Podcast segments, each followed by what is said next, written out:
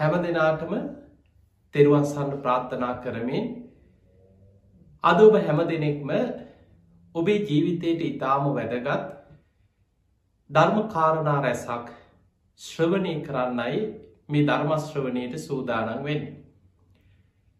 පිංගතුනී බණහන ඔබ හැම දෙනාටමත් ලක්වාසී ලෝවාසී සියලු දෙනාටමත් මේ උතුම් ධර්මශ්‍රවනය නිවන් දොරටුවක් බවට පත්වේවා කියල අපි මුලින්ම ආශිර්වාද ප්‍රාර්ථනා කරනවා. ඒවගේම ලක්වාසී හැම දෙනාටමත් ලොවාසී හැම දෙනාටමත් මේ පවත්නා වසංගත තත්ත්වය යටතේ ඔබ හැම දෙනාටම නිදුක් නීරෝගී සම්පත්තිය තුරුරුවන්ගේ ආශිර්වාදය සැලසේවා. විශේෂෙන් උතුම් බක්කුල මහරහතන් වහන්සේගේ ආශිර්වාදය බක්කුල මහා සෑයි පිහිට රැකවරණේ තුනුරුවන්ගේ අනන් තාශිර්වාදයෙන් හැම දෙනාටම නිදුක් නීරෝගී සම්පත්තිය දීර්ගාවි සම්පත්තිය සියලු ආරක්ෂාව සැලසේවා කියල අපි මුලින්ම ආශිර්වාද ප්‍රාර්ථනා කරනවා. පිංගතන අපි කවුරුත් ඔබ මම අපි කවුරුත් මේ ලෝකෙ කොහේ ජීවත් වුණා. අපි කවුරුත් මේ ජීවත්වෙන්නේ ලෝකෙ තියෙන බොහොම භයානක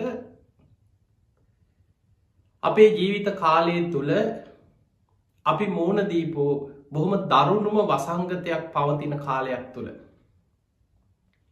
සාමාන්‍යයෙන් අපිට මේ ධර්ම කාරණා ශ්‍රවණය කරද්ද ඉපදීම දුකක් ලෙඩවීම දුකක් වයසටයාම දුකක් සෝක පරිදේව දුක්ක දෝමනස් උපායාස මේවත් දුක් ඊළඟට මරණම්පි දුක්කක් මේ මරණය කියන එක දුකක් ප්‍රියයන්ගෙන් වෙන්වීම දුකක් අපි මේවා තේරුම් අරගෙන අහලා යම්මට්ටමෙන් අපි බණ ඇහුවට වෙනදට වඩා සිය දහස් ගුණයකින් අහන්න දකින්න ලැබෙන කාලයක්.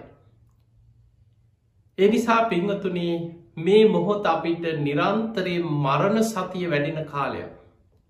මරණය සිහිවෙන කාලයක්.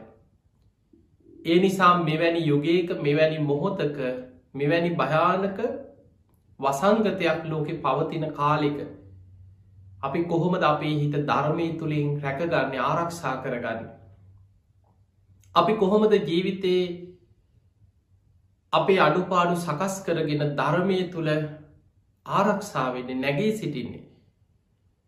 දවසක් කොසොල් රජ්ජුරුවෝ අපේ බුදුරජාණන් වහන්සේ මුණ ගැහෙන්නේ නම්. ඒවෙලේ බුදුරජාණන් වහන්සේ අහනව රජතුමනී ඔබට ඉතාම විශ්වාසවන්ත අමාත්‍යවරු පිරිසක් ඉන්නවා. ඔබට විශ්වාසවන්ත ආරක්ෂකයෝ පිරිසක් ඉන්නවා. සාමාන්‍ය රජ කෙනෙක් තමන්ගේ වටේ තමන්ගේ ආරක්ෂාවට යොදවන්නේ විශ්වාසවන්ත ආරක්ෂක පිරිසක්. එදකොට බොහෝ වෙලාවට රජ කෙනෙක් හිතනවා මම ආරක්ෂිතයි. මම හොඳම ආරක්ෂකය යටතේ ඉන්නේ. මගේ ළඟ ඉන්න හොඳම ආරක්ෂත පිරිසක්. ඒ නිසා මම් බේරිලා ඉන්න කියලා රජ කෙනෙකුට හිතෙනවා. බුදුරජාණන් වහන්සේ මේ කොසුල් රජ්ජුරුවන්ගෙන් අහනවා රජතුමනේ ඔබට විශ්වාසවන්තම සේවගේ කරි අමාත්‍යවරේ කරි රාජබටය කරි කවුරු හරි. දුවගෙන දුවගෙන ඇවිල් රජ්ජුරුවන්ට කියනවා රජතුමනි උතුරු දිසාවෙන් විශාල කන්දක් ගල් පරුවත එක්ක පෙරලීගෙන පෙරලීගෙන එනවා. තව කෙනෙක් දුවගෙන නවා. ඇවිල්ල කිනො රජතුමනි රජතුමනි දකුණු දිසාවෙන් විශාල කන්දක් ගල් පරුවත එක්ක පෙරලීගෙන පෙරලීගෙන නවා. ඔන්න තවත් කෙනෙක් ඇවිල්ල කින රජතුමනි විශ්වාසවන්තම කෙනෙක් ඇවිල්ල කියන්න නැගෙන හිර දිසාවේ. විශාල කන්දක් පෙරලීගෙන පෙරලීගෙන එනවා. බටහිර දිසාාවෙනුත් කෙනෙක් දුවගෙන ඇවිල්ල කින රජතුමනී විශාල කන්දක් ගල් පරවතයක පෙරලීගෙන පෙරලීගෙන නවා. දැන් විශ්වාසවන්ත අමාත්‍යවරු හතර දෙනෙ රජ්ජුරුවන්ට දුවගෙන ඇවිල්ලා මේ පණවිඩ හතර එකම වෙලාවක කියනවා. බුදුරජාණන් වහන්සේ යහනෝ රජතුමනී දැන් ඔබ මොකද කරන්නේ. ඒ වෙලේ රජ්ජුරුව කෙනවා ස්වාමීණී භාක්‍යතුන් වහන්ස මේ පණවිට අරගෙන ඉන්න හතර දෙනා විශ්වාසවන්තම හතර දෙනෙක් නම් ආයි මට ඒ ගැන ඇත්තද බොරුද හිතන්න දෙයක් නෑ. එක දිසාවකින් විතරක් නං අනි පැත්තර දුවල හරි බේරෙන්න්න පුළුවන්. නමුත් හතර දිසාවෙන්ම පෙරලීගෙන පෙරලීගෙන එනවනං කරගත්ත පිනක් කුසලයක් සිහිකර ගන්න ඇරෙන්න්න වෙන මොනවානං කරන්නද කිය. බුදුරජාණන් වහන්සේ වෙලාවෙකින රජතුමනේ ජරාව්‍යාදි ජාති ජරාව්‍යාදි මරණ කියන මේ හතර හතර පැත්තෙම පෙරලීගෙන පෙරලීගෙන එනවා කියන. ඒ නිසා උපන් සත්වයාට අප්‍රමාදීව පිනක් කුසලේක යෙදෙන වැරෙන්න වෙන කළ හැක්කක් නෑ කියන. දැන් අපි ඕවා බණට අහල ඇති ඔබයි දේශනාවත් කෝසල සංයුක්ති සඳහන් වෙන දේශනාවක් බණට අහල ඇති. හැබැයි එදාට වඩා අද අපිට දරුණුවටම මේක දැනෙනවා. හතර පැත්තෙම අපි වට කරලා තියෙන්නේ. අපිට ගිහිල හැංගිලා බේරෙන්න තැනක් නෑ. ඒ නිසා කරගත්ත පිනක් කුසලයක් සිහි කරගෙන ධර්මානුකූලව ඔබ ඉන්න තැනකටම වෙලා ඔබේ ආරක්ෂාව හදාගෙන ජීවිතේ ප්‍රශ්න ඇති ඕන තරම් ප්‍රශ්න ඇති. ඔබට මේ ඇහෙනකොට ඔබට මේ දවස්වල නිරන්තරේ රූපාහිනිය දැම්මත් ගුවන් විදිලි ඇහුවත් හැමෝම කියන්නේ එලියට බහින් එපා. මුහුණු ආවරණ නිසි පරිදි පලඳන්න නිතර අත්හෝදන්න විසබීජනාසක පරිහරණය කරන්න පරතරයේ ඇතුව කෙනෙක් එක් ඈතින් ඉන්න. එතකොට මේවා ඇහෙනකොට සමහරුන්ට ඇහිලම කේන්තිත් යන එක්කම දේ ඇහිල් ඇහිල සමහරලාවට ඇහෙන කොටත් කත්තාරහ යනවා. ගෙදර ඉඳල කවුද කණ්ඩ පොඩ්ඩ දෙන්නේ? ගෙවල්ලොල දරුව ඉන්නවා ලෙඩවෙච්චයි ඉන්නවා අපිට ප්‍රශ්න තියෙනවා. මේ වගේ නොයෙක් දේවල් ඔබට හිතෙනවා. හැබැයි විකල්පයක් නෑ හතර පැත්තෙම වසංගති අපිය වට කරලා අවසාන ඒ නිසා ඔබ එලියට බැහැල යන හැම තැනකම ඔබට මොන ගැහෙන ඔබේ බස් එකය නැගල යනකොට වෙන්න පුළුවන් කෝච්චියක වෙන්න පුළුවන් බඩුවක් ගන්න කඩේට ගිය වෙලාවක වෙන්න පුළුවන් හදිසියේ පොලකදි වෙන්න පුළුවන් ඕනෑම තැනක ඔබට මොන ගැහෙන හිනාවෙන කතා කරන බොහෝ දෙනෙක් ඔබ නොදැනුවත්වම රෝගවාහකෙක් වෙන්න පුළුවන්. සමහර වෙලාවට ඔබ හිතුවක් කාර විදිහට ඕන දෙයක් වෙච්චදෙන් කියලා එලියට ගිහිල්ලා. ඔබ කරන කටයුතු ඔබේ පවුලෙම විනාසය අරගෙනන පුද්ගලය ඔබ බවට පත්වෙන්නත් පුළුවන්. අන්නේ නිසා පිංහතුනේ මේ වෙලාවේ කරගත්ත පිනක් කුසලයක් සිහි කරගෙන. තුන් වේලම කණ්ඩ බැයිනම් එක වේලක් හරි කාලා. අඩුම ගානේ තියෙන ආර්ථික ප්‍රශ්නය යටතෙ කොහොම හරි ඉදිරි මාස කීපේ අපිට මාසයක් වෙන්න පුළුවන් දෙකතුනක් වෙන්න පුළුවන් මේ වසංගතයේ දරුණුම කාලය දැම්මේ ගෙවීගෙන යන්නේ පිංහතුනි ඔබ දන්නවා ලෝකයේ මේ වසංගති ආරම්භ වෙලා දැන් අවුරුද්ධකුත් මාස කීපයක් වෙනවා. මීට මාස ගණනාවකට පෙර හරියට ගිය අවුරුද්ධ මේ කාලෙ වෙනකොට ඔබ දන්න අපේ රටම මාස ගානක් ඇදිරි නීතිය දාලා සම්පූර්ණයෙන් වහගෙන ඔබ කොච්චර නම් පීඩාවකින් ප්‍රශ්නවල ආර්ථික ප්‍රශ්නවල මානසික පීඩනයකින් තෙරපිලා ඉන්න ඇත පහුගිය කාලේ? හැබැයි ඒ කාලි දවසකට අපේ රටේ විතරක්නේ ලෝකේ අපි ලෝකෙම දිහා බලම. ලෝකෙ දවසකට ආසාධිතයන් ලෝකෙම සමහර වෙලාවට ලක්ෂයයි දෙකයි තුනයි හතරයි සමහා රටවල මේ අර අසවල් රටේ යුරෝපය ඇමරිකාව එංගලන්ත ඉන්දිය මේ ඔක්කෝම එකතු කරත් ලක්ෂ හතරක් පහක් ලක්ෂ තුන හතරක් තමයි ලෝකෙම දවසකට රෝගීන් හොයාගත්තේ අද වෙනකොට මේ දිනවල තමයි මේ වසංගතයේ ලෝකෙ වැඩිම රෝගීන් දවසකට වාර්තාවෙන්. එක දවසකට ලක්ස නමය නමය හා මාර ලක්ස දහයකට ආසන්න මිලියනයකට ආසන්න රෝගීන් එක දවසකට රෝගි දැන් වාර්තාවයට පටන් අරත්තියෙනවා. අපි අසල් වැසි ඉන්දියාව ගත්තොත් ලක්ස හතර ඉක්මෝල රෝගීන් දවසකට එක දවසකට රෝගීන් වාර්තාවෙනවා. අපි රටේ කොච්චරනම් පුංචි රටක් වෙලා දවසකට දැන් රෝගීන් දහස ඉක්මෝල එදදාස් පන්සිය ඉක්මෝල රෝගීන් දවසකට වාර්තාවයගෙන යනවා. ඒ නිසා ලෝක අපිට බේරෙන්න්න පුළුවන් තැනක් අපිට අන්න අතනට ගියොත් බේරෙයි මෙතනට ගියොත් බේරෙයි.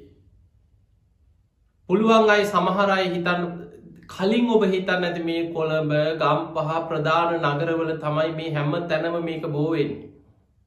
මේ වෙලාව අපිට කොහේ හරි ගමකට ගෙහෙන් ඉන්න තියෙනවන.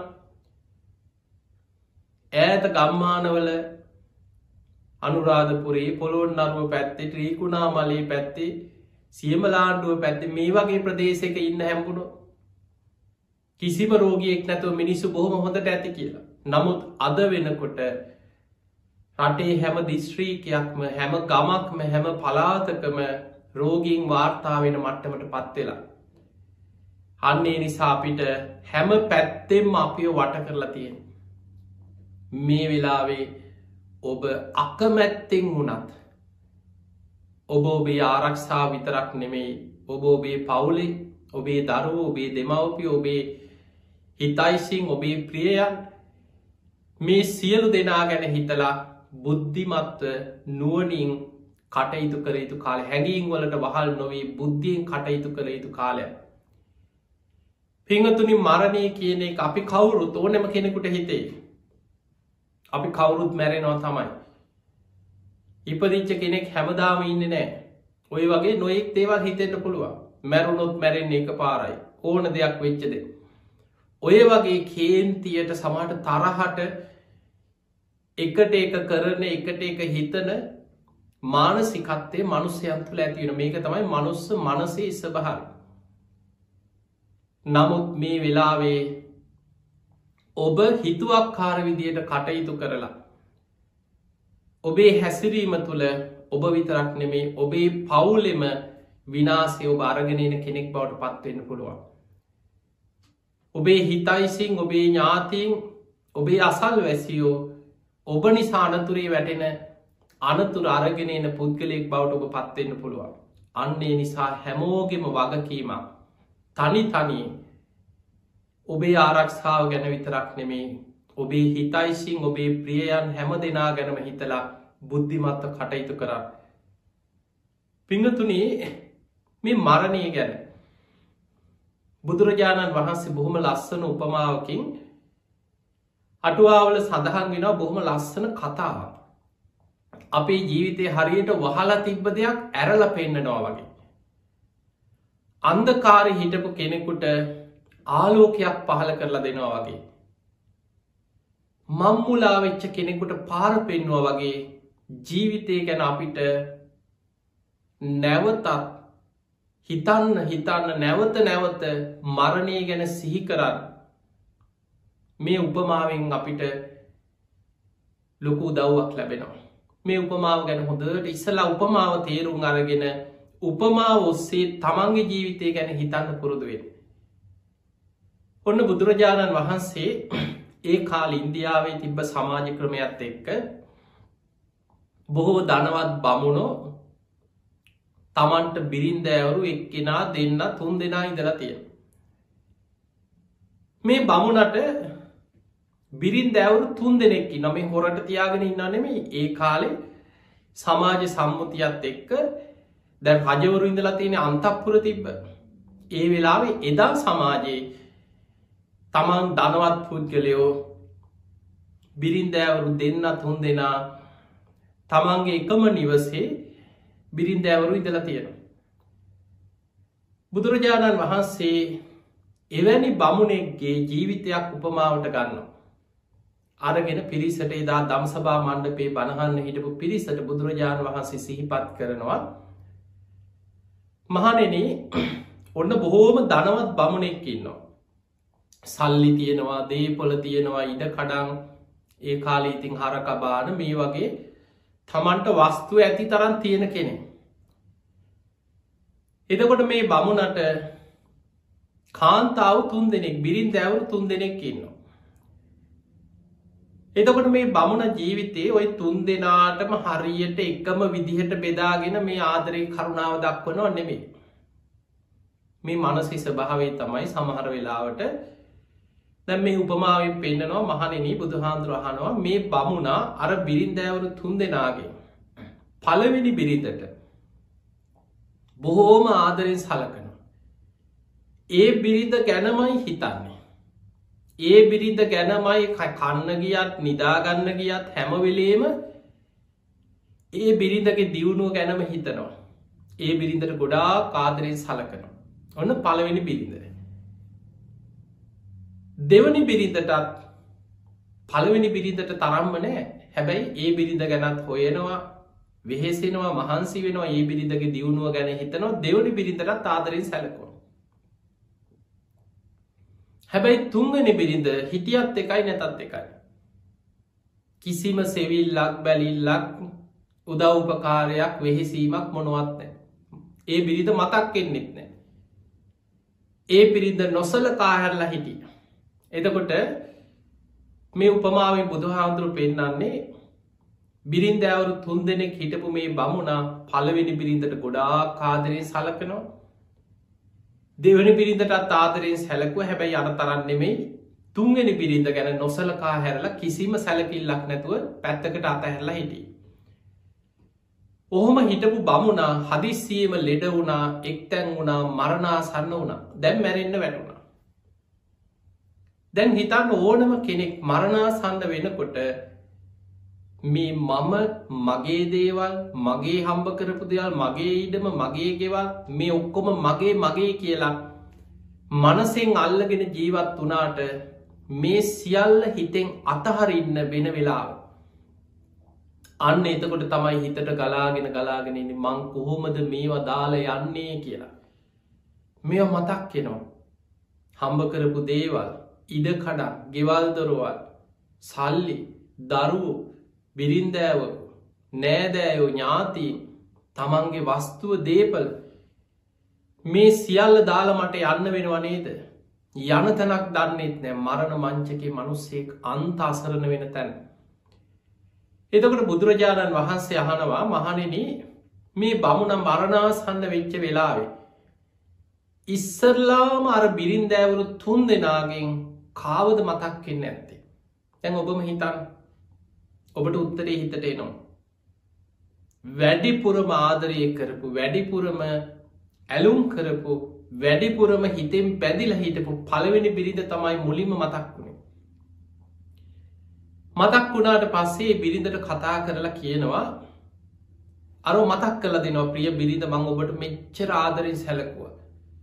මං මේ තරම් ඔබට ඉල්ලන ඉල්ලන හැමදේම ඔබට දුන්නා. ඔබේ දියුණුව ගැනම හිතුවා. ඔබ සතුටින් තියන්න තමයි මං මේ හැමදේම කරේ. මන්දැම් මරණාසන්න වෙලා ඉන්නේ අනේ මන්දැන් අසරණයි. මට කොයි වෙලේ හරි තව ටික වෙලාවකින් මට මේ ලෝක අතහැරලා යන්න වෙනවා. මේ බමු නහනවා අනේ ඔයාට පුළුවන්ද මාත් එක්ක පරලෝ යන්න එන්න කියලා පලවෙනි බිරිඳට යෝජනාවක් කරන. එතකොට කරපු යෝජනාව තමයි කරපු උදවටික මතක් කල කිවන්නේ ඔයා එනවද මාත් එක්ක පරලව යන්න. පළවෙනි බිරිඳ ගත් කටටම කියනවා අම්බෝ බෑ මට නං බෑ මන්නන් ඉන්න තැනින් හෙල්ලෙන්නවත් නෑ කියව. ඔය උත්තරේ මතක තියාගන්න. පළවෙනි බිනිද දීප උත්තරේ තමයි මමනං ඉන්න තැනින් හෙල්ලෙන්නවත් නෑ මට බෑ. අන්න ජීවිත කාලෙ මෙච්චර ආදරයෙන් සලකපු පළවෙනි බිරිඳ මරණාසන්න මොහොතේ පරලවයන් අඩගහපු වෙලාවිදී පුත්තරේ තමයි මමනං ඉන්න තැනින් හෙල්ලෙන්නවත් නෑ මට බෑකියෝ. දැම් බමුණට ඊළඟට මතක් කෙන්නේ කාවද කියලා හිතම් දැම් මතක් වුණා දෙවනි බිරිඳ. කමක් නෑ මං ඒ බිරිඳටත් සැලකුවා. ඒ බිරිඳගේ දියුණුව ගැනත් හිතුව. මගේ ජීවිත කාලෙන් මං දෙවනි බිරිඳටත් ආදරෙන් සැලකුව. එයාවත් එන්න නැතෑ මාත් එක කියලා දෙවනි බිරිඳට කතා කරා. කතා කළ අර විදිහටම කියලා දෙවනි බිරිඳටත් ඔය යෝජනාව ඉදිරිපත් කර. මන් දැන් අසරණයි මන් ලෙඩ වෙලා ඉන්න. මං ඔබටත් ජීවිත කාලිම සැලක්ව ඔබේ දියුණුව ගැනත් හිතුවා. අනේ ඔයාවත් එනවද මාත් එක්ක පරලව යන්න කෙලැකු. එතකොට දෙවනි බිරිඳ එක පාටම් බෑකී වෙන ටිකක් කල්පනා කරලා කිව හරි මං එන්න හැබැයි වල ළඟට විතරයි කියව. දෙවනි බිරිඳ කැමති වුණේ මැරුණට පස්සේ වලළඟට යනකං විතරක් එන්නම් කිය එතනින් එහාට බෑකිව. එදකොට දෙවනි බිනිඳ දීප උත්තරේ තමයි මැරුණට පස්සේ මං ඕන්නන් එන්නම් කියෝ වලළඟට එතනින් එහාට බෑ කියව. ඊළඟට බමුණට මතක් වුණා අර නොසලකා හැරලා හිටපු තුන්ගෙන බිරිඳ. දැන් ජීවිතයේ අන්ත අසරණ වෙලා ඉන්නකොට. එල් එන්න තැනක්ම නැති වෙනකොට. අර නොසලකා හැරලා හිටපු තුන්ගෙන බිරිඳ සිහි වුණ. ඒ බිරිඳට කතා කරලා අර විදිහම අර යෝජනාවම කරා. ඒ බිරිඳ ඉදිරී බොහෝම අසරණම කියන වනේ බලන්න. මගේ ජීවිත කාලේ මං වැඩිපුරම සලකපු පළවෙනි බිරිඳ මට මෙහෙම උත්තරයක් දුන්නා. දෙවනි බිරිඳ මට මේ වගේ දෙයක් කිව්වා. මන් දැන් හොඳට මසරණයි හැබැයි මං ඔබට සැලකුවේ නෑ. මගේ ජීවිත කාලෙම මං ඔබ ගැන හෙව්වෙත් නෑ බැලුවෙත් නෑ ඔබේ දියුණුව ගැන හිතුවෙත් නෑ. හැබැයි මන් දැන් අසරණයි. අනේ මාත් එක පරලව යන්න ඔයාවත් එනවද කියලා තුන්ගෙන බිරිඳකින් අහන ඒ වෙලාවිත් තුන්වෙන බිරිඳ හරි මං එන්නම් කියලා ඒ මොහොතෙම ඉදිරිපත් වෙනවා ඔබත් එක්ක පරලව යන්න මම එනවා කියලා. මේක උපමාවක්. මතක තියාගන්න මේක උපමාවක්. උපමාවෙන් බුදුරජාණන් වහන්සේලා අපේ ජීවිතවල අවිද්‍යාවෙන් වැහිලා තන්හාාවෙන් බැදිලා ඉන්න සත්වයාට ලෝකයාට සමහර දේවල් උපමාවලින් වහල තිබ්බ දෙයක් ඇරල පෙන්නුව වගේ ජීවිතය අපිට පෙන්නල දෙනවා. අන්දකාරය හිටපු කෙනෙකුට ආලෝකයක් පහල කරලා දෙනවා වගේ බුදුරජාණන් වහන්සේලාගේ දේශනාවලින් අපිට ජීවිතය පෙන්නල දෙනවා. මම්මුලා වෙච්ච කෙනෙකුට පාරක් පෙන්නුව වගේ බුදුරජාණන් වහන්සේලා අපිට ජීවිතයේ නිවරදි මාර්ග පෙන්නනවා උපමාවකින් හරි. මේ උපමාව බුදුරජාණන් වහන්සේ හැමෝගෙම ජීවිතවලට ගැලපුවා ඒ ඇන ඔබටත් මේ කදාලයි. බුදුරජාණන් වහන්සේ වදාළ මහනෙනේ අර බමුණා වගේම මේ ලෝකෙ ජීවත්වෙන මේ කාම ලෝකෙ ඉන්න හැමෝටම ඔය බිරින්දෑවරු තුන් දෙනාම ජීවිතය ඉන්නවා කිව ජීවිත කාල. බුදුරජාණන් වහන්සේ වදාලා කෙනෙක්ගේ ජීවිතයේ පංච කාමයන් තුළ ජීවත්වෙන කාමබෝගී ගිහි ජීවිත ගත කර. මේ කාමයන් තුළම සතුට සැපය සොන්නස හොයමින් ජීවත්වෙන මේ ලෝකයාගේ පළවෙනි බිරිඳ වගේ තමයි කීවා බෝග සම්පස් සියල්ල පළවෙනි බිරිඳට උපමා කරලා පෙන්නු. බෝග සම්පත් කියලා කියන්නේ ගෙවල් දොරවල් ඉඩ කඩන් මිලමුදල් යානවාහන රන්රිදී මුතුමැනි හම්බ කරගත්ත දේපල වස්තුව සියල්ල පළවෙනි බිරිඳට උපමා කරා.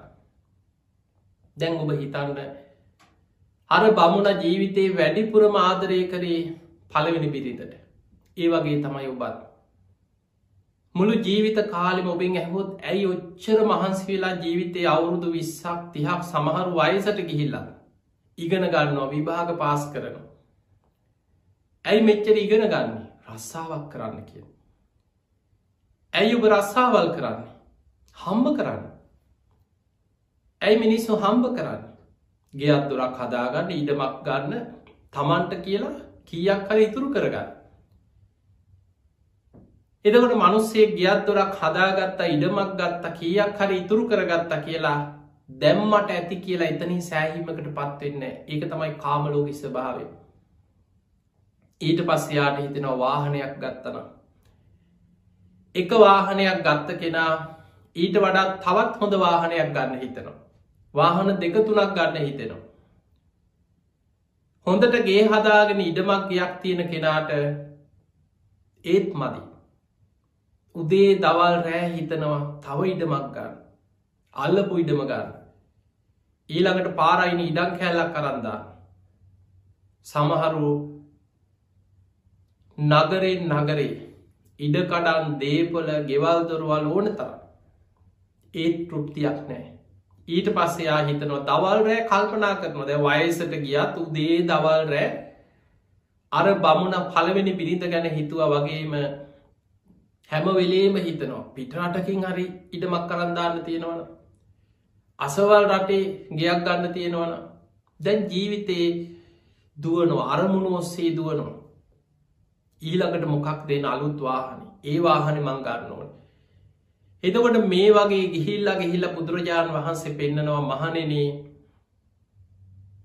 මේ කාම ලෝකි ස්වභාවේ තමයි රන් කහවනු වැස්සක් වැස්සත්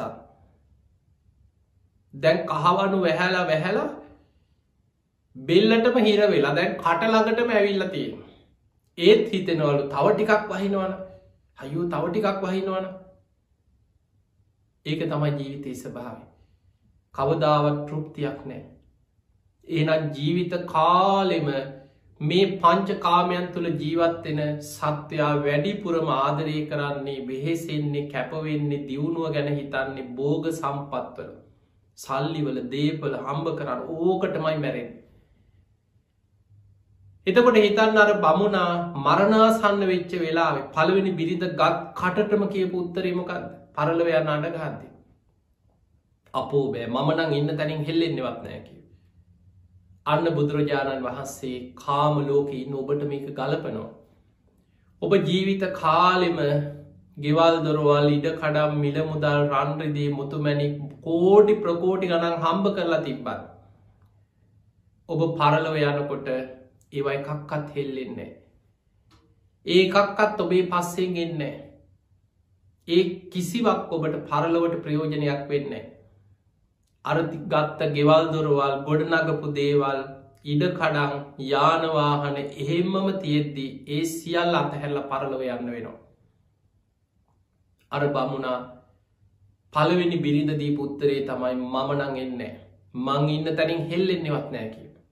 ඒ වගේ තමයි ජීවිත කාලෙම හම්බ කරපු ගෙවල් දොරවල් ඉඩ කඩා යානවාහන සල්ලි මිල මුදල් ඔක්කෝම තියලා ඒවා අත හැරලා පරලව යන්න වෙනවා. ඊළඟට බුදුරජාණන් වහන්සේ වදාළ මහනෙනේ අර බමුණ ඊළඟට ජීවිතයේ වැඩිපුරම දෙවනියට ආදරය කරේ දෙවනි බිරිදට. ඒවගේ තමයි මේ කාමලෝක ඉන්න සත්වයා මේ පංච කාමයන් තුළ ඉන්න සත්වයා ජීවිත කාලෙම ඇලුම් කරන්නේ ආස කරන්නේ ආදරය කරන්නේ දෙවනියට වැඩිපුරම උදේ දවල් රෑ හිත හිතා ඉන්නේ දරුවෝ ගැන නෑදෑයෝ ගැන ඥාතීන් ගැන තමන්ගේ ප්‍රියයන් ගැන. ඒ අයි ගැන තමයි ඊළඟට බැඳීම තියෙන් අර බමුණ දෙවනි බිරිඳට බැඳුන වගේ. දැන් බලන්න ඕන කෙනෙක් ඊළඟට කෙනෙකින් අහයි. සාමාන්‍ය මනුස්සයකින් ඔබ බහල බලන්න දෙමවපියෝ නිසා මෙච්චර මේ මන් දුක්විදින්. ඊළඟට දෙමවපියෝ කියනවා දරුවෝ නිසා අපි මේ දුක්විදින්නේ. ඊළඟට කෙනෙක්ග අපිට යුතුකන් තියෙනවා. අපිට වගකීම් තියෙනවා. ඒ අය ගැන හිතන්න ඕනේ දැන් හිතන්න මේ වසංගත කාලි කවුරු හර කියනවා යන්න එපා එලියට යන්න එපා ඔය කඩවල් වහන්න ඔය රස්සාාවලට යනකොට පොඩ්ඩක් පරිසං වෙන්න පුළුවන් තරන් ගෙදර ඉඳම් වැඩ කරන්න බලන්න. ප්‍රශ්න තිබුණට එත ඒ කියනකොටම හිතට එන්නේ අපිට නෙට වැඩ තියෙන්නේ. අපිට යුතුකත්තියන වගකීම් තියෙනවා දරුව ඉන්න අමු දරුව ඉන්නවා දෙමපියෝ ඉන්නවා යුතුකන් තියෙනවා. අපිට ප්‍රශ්න තියෙනවා. අපි ඒ ගැන හිතන්න ඕන. අන්න එහෙම දැන් ජීවිතේ වැඩිපුරම ඊළඟට බැඳිලා ඉන්නේ ඒ අයට. බලන්න ජීවිතයේ සමහරුව යුතුකංවෙන් මුළු ජීවිත කාලෙම යුතුකං ඉෂ්ට කරන්නම මැරිලා මැරිලා මැරිලා. දරුවෝ හදනවා දරුවන්ට උගන්නන්න මහන්සි වෙනවා. ඒ දරුවෝ විශ්වවිද්‍යාලය යවනවා. දරුව රස්සාවල් අරන්දුන්න කියලා එතනින් ඉවරයක් නෑ. කෙනෙක් හිතනවා දරුවෝ ලොකු නහම හම්බෝ ඇති අත්තා.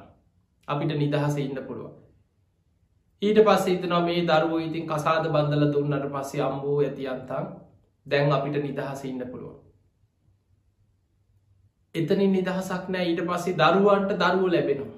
ඊට පස්සෙ පොඩියවුම් වඩාගෙන උම් හුරතල් කර කර ජීවිතයේ වයසට ගිහිල්ලා සමහරු පණ යනකම්ම නිදහසක් නෑ අතහැරීමක් නෑ එක්කො දරුවන්ට දරුවන්ගේ දරුවන්ට ඒ පරම්පරාවල්ලට ඒ බැඳීම ඇලීමත් එක්ක ඒව ගැන හිත හිත හිත හිත ඉඳලා හැබැයි මැරෙන්න්න වෙනවා.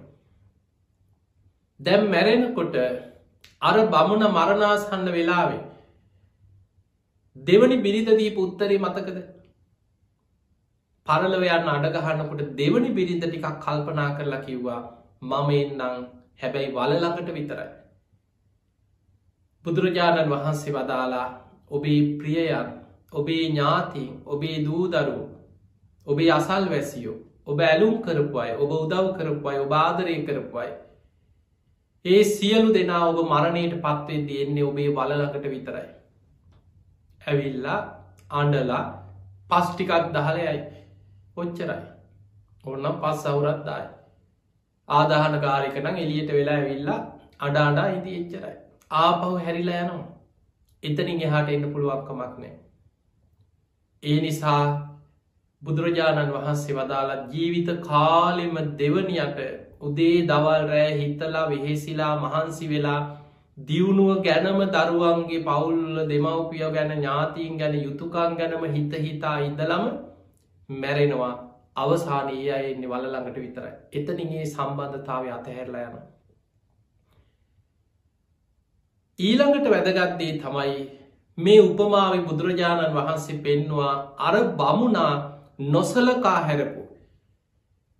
ජීවිත කාලෙම අතහැරල දාලා හිටපු. නොසලකා හැරපු තුන්ගනි බිරිඳ විතරක් හාමං එන්නම් කියල පරලව යන්න ඉදිරිපත් වුණ. කවුදේ තුන්ගනි බිරිත බුදුරජාණන් වහන්සේ වදාළ කෙනෙක්ගේ ජීවිතයේ පංච කාමයන් එක්ක ජීවත්වෙන කාම බෝගී ජීවිත ගත කරන මේ ලෝකයා තුන්ගනි බිරිඳට බුදුරජාණන් වහන්සේ උපමා කරා තමන් රැස් කරගත්ත කුසලා කුසල කර්ම ටික පරලව යනකොට එන්නේ ඔන්න ඔය ටික විතරයි තමන්ගේ පස්සේ. අපි රැස් කරගත්ත කර්මය විතරයි අපි පරලව යනකොට අරගෙන යන්න අනෙක් සියල් අතහැල්ල දාල යනවා. කම්මස්ස කෝමි කම්ම දායාදෝ කම්ම යෝනි කම්ම බන්ධු කම්ම පටිසරනවා. යංකම්මං කරිස්සාමි කල්්‍යයානංවා පාපකංවා තස්සදායාද. කම්ම යෝනී කැනෙ කර්මය මතයි අපේ උපත්තිය තීරණය කරන්න. ඊළඟ උපතට අපි වරගෙන යන්න කර්මය. අපි මනුස්සලෝකෙද නිරේද තිරිසන් ලෝකෙද ප්‍රේතලෝකෙද බිත්තරයක් ඇතුළෙන්ද උපදින්නේ? මවකුසකින්ද උපදින්නේ? ඕපපාතිකෝද උපතට ඇදිලා යන්නේ කර්මය. කම්ම බන්ධූ කියන කර්මය තමයි සසර අපේ ඥාතිය හැටියට සංසාරිකව අපිට අන්තිමට අපේ පසු පසය. කම්ම පටිසරනෝ කර්මය තමයි අපේ පිළිසන්න හැටියට සසර අපේ පස්සෙන්ෙන් වෙන කවුරුත්නෑ. යම්කම්මං කරිස්සාමි කල්්‍යයානංවා පාපකංවා තස්සදායාද. යම් කර්මයක් කරලා තිබුණොත් යහපත් අන්න සසරේ යහපත් විපාක මරණින් මත්තය අපිට ලැබෙනවා. අපි කරලා තිබුණොත් අයහපත් පාපි අකුසල් රැස් කරගෙන තිබුණොත් මරණින් මත්තේ අයහපත් විපාක අපිට සසරි අරගෙන යන්න වෙනවා ඕකයි ජීවිතේ. අර බමුණ අවසානයේ මොන තරන් ධනවතෙක් වුණත් මොන තරන් ඉඩකඩන් දේපල ගෙවල් දුරුවල් යානවාහන නෑදෑව ඥාතිීන් පිරිවරාගෙන හිටියත් පරලව යනකොට පස්සෙන් ආවේ නොසලකා හැරපු තුන්ගෙන බිරිඳ හැටියට බුදුහාමුදුර උපමා කරේ තමන් රැස් කරගත්ත කුසලා කුසල කර්මටි. දැම් මේ උපමාව ඔබ ඔබේ ජීවිතයට කලපල හිතන් ඇත්තට මොයි බමුණට වෙච්චදේ මට වෙලා නැද්ද කියලා හිතන්න. මුළු ජීවිත කාලෙම හම්බ කරන්න මහන්සිගන්න දියුණුවෙන්න්න මහන්සිගන්න. ඊළඟට ජීවිත කාලෙම යුතුකං ගැන වගකීම් ගැන දරුව ගැන ඕවා ගැනම හිත හිත මහන්සි වෙන. හැබැයි අර තුංගනි බිරිඳ හැටියට බුදු හාමුදුර උපමාවෙන් පෙන්නපු තමන්ගේ හිත දියුණු කරගන්න ඕනෑ පිනක් කරගන්න ඕන කුසල් වඩාගන්න ඕන යන තැනකට දෙයක් කරගන්න ඕන කියලා හිතන්නේ. කීයෙන් කී දෙනාද? වැඩි පිරිසක් අර තුන්ගෙන බිරිඳ හැටියට පෙන්න්නපු කුසලා කුසල කරම. නොසලකා හැල්ලතිය හිටියත් එකයි නැතත් එක ඕන දෙයක් වෙච්චදේ බොහෝ දෙනෙක් එහෙම සමහරු එක කතා කළ බලන්න ඔබ. හපා මෙහෙම ඉඳලා කොහේ අයිද කියල නිකං අහන්කොයි දැ නෑදෑ එකතු වනහම යාළු මිට්‍ර එකතු වනහම කතා බහ කරනකොට හිමීට නිකං ඒ අයගේ අදහස් ඔබට බලන්න පුළුවන් කොහෝත්ම කොතනද ඉන්නේ? අපාය අඩිය තියාගෙන ඉන්නේ. අපි මෙහෙම ඉඳලා කොහේ අයි දක්පා කිය ලහන්නු අන්න එතකොට බොහෝ දෙනේ අනේ මැරිල මොකෙක් වුණහම්මකද යන අපායගේ යන්න ඇතෑම ඔහොම කියනයි කොච්චර ඉන්නවද? සමහරු හිතනවා අන්තිම වෙලා ඉන්නකම් පව්කන් ජඩකං ඔක්කොම කර කර ඉඳලා පණයන්න එනකොට පිනක් සීකරගෙන මං මගේ වැඩේ කරගන්න ඕක ඉතින් චුතිචිතන ඒ වෙලාවට මන් දන්නවා වැඩේ කරගන්න කිය ඔය වගේ පණ්ඩිත කතා කිය කියා බොහෝ දෙනෙක් ජීවිතයේ මරණාසන්න මොහොතේ අන්තාසරණයි මුළු ජීවිත කාලෙම රැස් කරපු පිනක් නෑ. කුසලයක් වඩලනෑ අඩුගාන පන්සීල් රැකලනෑ බොහෝ දෙනෙකුට මරණාසන්න වෙනකොට ජීවිතය ආපස්සට බලපු හම තියෙන්නේ පසු තැවෙන්න දේවල් ගොඩක් විතරයි. හයියෝ මට වැරදුනා හයියෝ මට වැරදුනා. අනේ මට පිනක් කරගන්න බැරිවුනා කියලා කී දෙනෙක් මරණාසන්න මොහොතේ අසරණ වෙනවා. ඒ නිසා පිංවතුනි මේ වගේ වසංගතයක් ලෝකෙ වේගෙන් පැතිරිලා යන වෙලාවේ අප්‍රමාදීව පින් කරගන්න කුසල් වඩාගන්න. මරණ සතිය වඩන්න. මරණය ගැන සිහිකිරීම තරං අප්‍රමාදී භාවය ඇති කරන දෙයක් බුදුරජාණන් වහන්සේලා බුදුවැසිංවත් දකින්නෑ කියල බුදුරු දේශනා කරන. මේ ලෝකෙ අප්‍රමාදීව කුසල් වඩන්න ඕන ඉක්මනින් ඉක්මනින් මං පින් කර ගන්න ඕන කියලා කෙනෙකුට හිතෙන්නේ මරණ සතිය වඩන කෙනාටමයි. දැම්මම් මැරුණොත් කොහේ අයිද කියලා හිතනකොට තමයි සිල් රකින්න හිතෙන් පින්කරගන්න හිතෙන් යන තැනකට දෙයක් කරගන්න ඕන කියල හිතන්න ඒ නිසා පින්වතුනි දැන් හිතන්න මේ වසංගතය මේ යනයි දිහා. ඔබ හැම වෙලාම හිතන්න මේ මරණය ගැන හිතනකොට තමයි අවධානම ගැන මෙනෙහි කරනකොට තමයි බියක් උපදින් ඒ බිය තුළම තමයි කෙනෙක් ආරක්ෂාවෙන් පුළුවන්තරම් පරිස්සංවෙන් සාමාන්‍යෙන් මේ වසංගතයට ගොදුරු වෙලා රෝගියෙක් හැටියට ඔබ වරගෙන ගියාට පස්සේ ඔබ දකින බොහෝ වෙලාවට ගෙදරට ඇවිල්ලෙක්ව ඇම්බිලන්සකින් පොලිසියෙන් මහජන පරීක්ෂකවරු මේ අය ඇවිල්ලා ඒ ගංවල රෝගීන් අරගෙන යනවා. නිරෝධායන මධ්‍යස්ථානවලට රෝහල්වලට එතනත් අමාරුනම් දැඩි සත්කාර ඒකකවට ඇතුල් කරන. ඊට පස්සේ දරුව එක්ක වෙන්න දවගේ දැයි සාමාන්‍ය අපි දන්න අපි ඉතිහාසේ මීට අවුරුදු තුන හතරකට එහා මේ වසංගතයන්න කලින් ඔබේ අම්ම තාත්තා ඔබ වෙන්න පුළුවන් දරුවෙක් වෙන්න පුළුවන්. ලෙඩ වෙච්ච වෙලා විස්පිරිතාහලි නැවැත්තුවත් ඔබ උදේට බලන්න යනවා දවල්ට කෑමේ කරගෙන යනවා හවසට බලන්න යනවා. නෑදෑය එක එක්කෙන එනවා. අපි අද යන්නම් අක්කල හෙටෙන්න අපි අද උයාගෙන යන්න. කී දෙනෙක් එනවද ලෙඩෙක් බලන්න සමහර වෙලාට රස්සාවල් කරපු තැංගොලා ඉන්නවා. අසල් වැසියෝ එනවා.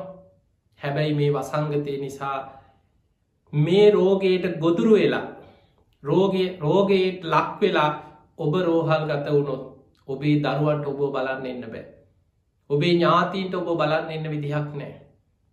ඔබේ හිතයිසිීන්ට ඇවිල්ල වෙන දවගේ ළඟ ඉඳගෙන විස්තර හලා ඔළුව අත ගාල කෑම ටික කවලා ළඟ ඉඳගෙන අද මොකද දොස්තර මොකද කිව්වේ? දැන් සනීපද අර පරීක්ෂණය කරාද? දැන් හිට ටිකට කපනවද? මොක ඕව මොනුවත් කතා කරන්න පුළුවන්කමන්න ඔබට විශාල තනිකමක් අසරණකමක් ජීවිතයේ විශාල මානසික අසරණකමත් දැනෙනවා. බොහෝ දෙනෙක් සුව වෙලා ආපු අය ඔබ කතා කළ බලන් මේ රෝගයට ලක්වෙලා අරගෙන ගිහිල්ල යන්තන් අනෝ නමයෙන් බේරිලා සනීප වෙලා ආපහුව ආපු අයගෙන් අහල බලන්න මොනවගේ හැඟීමත් ඇතිවුණේ කියලා. මුළු ජීවිතයේම තමන් මහා අසරණ වුණා. තනි වුණා. සියල්ල දාලයන්න වෙනවා. විශාල මරණ බයත් එක්ක අසරණක සමහරු සමහරුගේ ජීවිතය තියෙනවා. අනේ මට පණයනකොට දරුව මගේ ළඟඉදී. සමහරුන්ට කියන්න දේවල් තියෙනවා දරුවන්ට හරි. මතක් එනවා මට මේක කියන්න තියෙනවනම් ළමයින්ට මේ අන්තිමට මැරෙන්න්න කලින් මේක කියන්න ඕන. ඔය මොනවත් කියන්න හම්බෙන්නේ කවුරුවත් ළඟනෑ හිතවතෙක් නෑ ඥාතියෙක් නෑ දරුවෙක් නෑ. මැසින් නොලට ගහලා හුස්ම ගන්න බැරුව නහයෙන් කටෙන් බටදාලා ඔක්සිජන්දීලා සමාර වෙලාට බොහොම අමාරුවෙන් අපි හිතමු ගොඩාවුත් හොඳයි. නමුත් බැරි වෙලාවත් නිදංගත රෝග. දැ මේ මේ මට්ටම වෙනකොට අපි දන්නවා අද අපි මේ කතා කරන වෙලා වෙනකොට මීට අවුරුද්ධකට කලින් තිබ්බ මේ වෛරස් එක නෙමෙයි අද තිය මේක වෙනස් වෙනවා. සැරෙන් සැරේ දරුණු වෙනවා. අද වෙනකොට වෙන දට වඩා දරුණුයි කලින් වගේ නෙමෙයි. දැන් හැදෙන අයගේ තරුණ දරුවෝ පවා. ඔබ දකිින් නැති අවුරුදු දහට විස්ස විසි ගණන්වල හොඳ ශක්තිවන්ත තරුණ වයසේ දරුවෝ නිදංගත වෙන රෝග නැති දරුව පවා හදිසිය මිය පරලව ගියා මේ රෝගයක්ත් එක්. එනි සාපි දන්නේ නෑ මොන විදියට කවදා කොත්තන කොහොම මොන වගේ අවාසනාවන්ත ඉරනමක් මේ පැවතිීගෙන යන මේ භයානක තත්ත්වයක්ත් එක්ක අපිට මෝන දෙන්න සිද්ධ වේද. ඒ නිසා පිංහතුනේ බැරි වෙලාවත් අප හිතම අපේ ඥාතිය දැම් මේ වෙනකොට කී දෙනෙක් අපේ හිතයිශීන් මිය පරලව ගිහිල්ල ඔබ ලෝකෙ දිහා බලන්න අද ඉන්දියාව බලන්න මිනිස්සු පාරවල්වල මිනි පුච්චගන්න තැනක් නැතුව වාහන ගාල් කරන තැංගොල පාරවල්වල පාර අයින දිකට දරකෑලි ගොඩගගහා එක උඩ එක උඩ මිනී තියතියා කොච්චර දවසකට මිනි පුච්චනවා ඒ නිසා මෙවැනි මහා අවාසනාවන්ත තත්ත්වයක් ලෝකට ඇති වෙලා තියෙන වෙලාවේ පුළුවන් තරං ගුණ ධර්ම රකින්න පින් කරන්න. රජෙක් වුණත් සිටුවරයෙක් වුණත් කවුරු වනත් මොන ධනවතෙක් වුණත් මේ රෝගේ මිය ගියාට පස්සේ වෙන දවගේ මිනිිය ගෙදර ගෙනහල්ල නෑදෑය ඇවිල්ල දවස් ගනන් තියාගෙන ගුණ කතන කරලා පින්කං කරලා පාන්සකූල දීලා ඒ කිසිම ආගමික වතාවක් කරන්නේ නැතුව අඩුගානේ තමන්ගේ මැරිච්ච කෙනාගේ මූුණවත් දකින්න විදිහක් නැතුව ඉටි කොලේ කෝතලා පැයකීපයක් ඇතුළත ගිහිල පුච්චලා ආදාහනි කරනවා. ඒ නිසා මෙවැනි භයානක වසංගතයක් ලෝකයේ වෙලාගෙන අපේ රටේ පුරත් දැන් වේගෙන් ව්‍යාප්තවේගෙන යන වෙලාවේ ඔබ පුළුවන් තරම් ඔබේ සහයෝගි ලබලදේ. බලන්න ඔබ වෙනුවෙන් මේ රටේ කී දෙනෙක් ජීවිත පරිත්‍යයාගෙන් ඔබ වෙනුවෙන් කටයුතු කරනවා විශේෂයෙන් සෞඛ්‍යංසවල ඉන්න සියලු දෙනා රෝහල්වල කටයුතු කරන අය වෛද්‍යවරු ඊළඟට මහජන සෞඛ්‍ය පරීක්ෂකවරු ත්‍රිවිධ හමුදාව රණවිරුව මේ සියලු දෙනා ඔවුන්ටත් දෙමවපියෝ ඉන්න ඔවුන්ටත් දරුව ඉන්න ඔවුන්ගේත් පවුල්ලොල අය ඒ අයට ආදරේ. කී දෙනෙ දරු අඩාඩා කියන ඇති අනේ අම්ම යන්න එපා අම්ම යන්න එපා.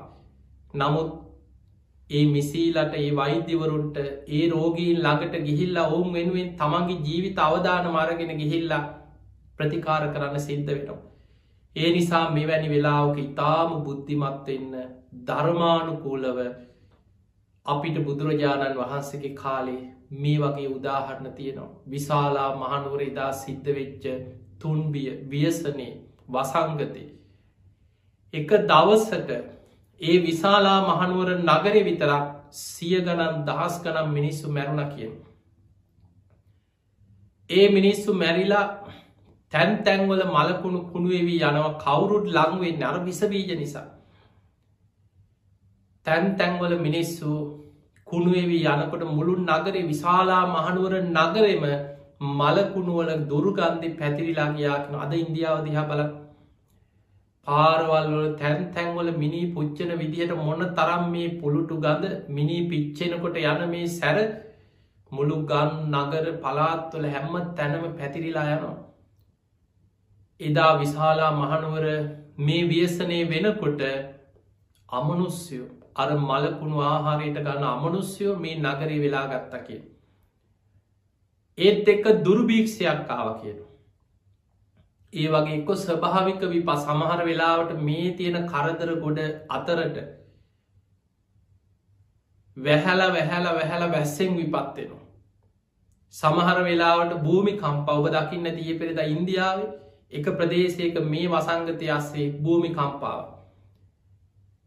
සමහර කරුම කියනවා තියෙනවා මොන්න විදිහට හරි ගෙවන්නවා. ඔබ දකින්න ඇති ඉන්දියාවේ සමහර රෝහල්වල ඔක්සිජන් ටැන්කි පුපුරලා ඒ වාට්වල හිටපු කීප දෙනෙක් මිය ගිය සමහර රෝහල් වාට්වල ගිනි හටගන්න එක්කො ගින්නෙන් මැරෙන රෝහල්වල ගොඩ නැගිලි කඩාවට මොනවා හරි විපත් එක පිට එක පිටේ නෝක තමයි ලෝක ස්භාව ඒ නිසා මේ සසර බිය දකින්න අප්‍රමාදීවෙන් ඉතින් පිංවතුනේ ඔබ නිවසේ ඉද මේ කාලය තුළ උපරිම දිවිහිමියෙන් පන්සිල් රකිින් අද ඉදං හරි. මේ බණටික අහලා අද හිතුනනං අද ඉදං හරිමං වෙනස් වෙනවා කියලා අද ඉදං හරි දැඩි අධිෂ්ඨානයෙන් පන්සිල් රකිින් නිතර තුනුරුවන් ගුණ සිහි කරලා බුදුන් අදින් මයිට්‍රී වඩන්. ඔබට ඔබේ පවුලයායට ගමේ අයට රටේ අයට විශේෂයෙන් සෞඛ්‍යන්සවලායට වෛද්‍යවරුන්ට රණවිරුවන්ට මේ රෝගයක් එක්ක සටන් කරන සියලු දෙනාට හදවතිම මෛත්‍රී වඩන්. රටක් වසයෙන් ඔබ හැම නිවසකම රතන සූට්‍ර කියලා තුනුරුවන්ගේ ආශිර්වාදය හිතෙන් දැඩි අධිෂ්ඨානයකින් මේ හැම දෙනාටම ආශිර්වාද කරන්න. ඒ වගේම හදවතින්ම හැම දෙනාටම මෛත්‍රිය පතුරුවන්. එනිසා පිංහතුනේ මෛත්‍රී සහගත සිල්වත්ත කරපු පින් කුසල් නිතර සිහි කරමින් මෙනෙහි කරන්න අර කොසල් රජ්ජුරු බුදුරජාණන් වහන්සේට කිව්ව වගේ. හතර පැත්තෙන් විශාල කඳු හතරක් වට කරගෙන එනකොට කරගත්ත පිනක් කුසලයක් සිහි කරගන්න ඇරෙන්න්න මොනව කරන්නද. අන්නේ නිසා ඔබ කරපු පින් කුසල් බලවත් කරන්න. ඉස මිනිස්සු පින් පොත් ලියාගත්තේ මරණාසන්න මොහොතේ හිතට බයක් ඇතිවෙන වෙලාවෙ සිහි කරලා පිනේ හිත පිහිටෝගන්න. කරපු පුංචි පින් පවා නිතර සිහි කර කර බලවත් කරන්න. මේ පිනෙම් මාව ආරක්ෂාවේවා. මං මේ රැකපු මේ ගුණධර්මවලින් මාව ආරක්ෂාවේවා කියලා ඔබ සත්‍යයක් ක්‍රියා කරමින් ඔබ ඔබට අධිෂ්ඨාන කරගන්න. අපේ රටේ අතීතෙ පවා බැමිනිතියා සාය සාගත වසංගත කුච්චරනම් දුර්භික්ෂ ඇති වෙලා තියෙන අතිතින් ඒ නිසා මේවා විටිං විට ලෝකෙ සිද්ධ වෙන දේවා. තුනුරුවන්ගේ අනන්ත ගුණානු භාව බලින් අපි ඔබ හැම දෙනාටමත් රටේ සියලු දෙනාටමත් ලක්වාසි ලෝවාසි හැම දෙනාටමත් හදවති මාශිර්වාද කරනවා තුනුරුවන්ගේ අනන්ත ගුණානු භාව බලින් සියලු දෙවියන්ගේ පිහිටෙන් ආශිර්වාදය විශේෂෙන් බක්කුල මහරහතන් වහන්සේගේ ආශිර්වාද බක්කුල මහාසෑයි පිහිට රැකවරණයෙන් හැම දෙනාම නිදුක්වේවා නිරෝගිවේවා සුවපත්තේවා. මේ වසංගතය ඉක්මනින්ම දුරු කරගන්න ශක්තිය ධෛර්ය වාසනාව හැමෝටම සැලසේවා ඔබ හැම දෙනාටම තුරුරුවන්ගේ ආශිර්වාදයම ලැබේවා ලැබේවා කියලපි ආශිර්වාද ප්‍රාර්ථනා කරනවා. ආකා සට්හාජබුම්මට්හා දේවානාගා මහිද්දිකා පුඤ්ඥන්තං අනුමෝදිත්වා චිරන්රක් හන්තුලෝක ශාසනං ආකා සට්හාජබුම්මට්හා දේවානාගා මහිද්දිකා පුඤ්ඥන්තං අනුමෝදිත්වා චිරන්රක් හන්තු දේශනං ආකා සට්හාජබුම්මට්හා දේවානාගා මහිද්දිකා පුඤ්ඥන්තං අනුමෝදිත්වා චිරන්රක් කන්තුතුවං සදා හැම දෙනාටම සම්මා සම්බුදු සරණයි.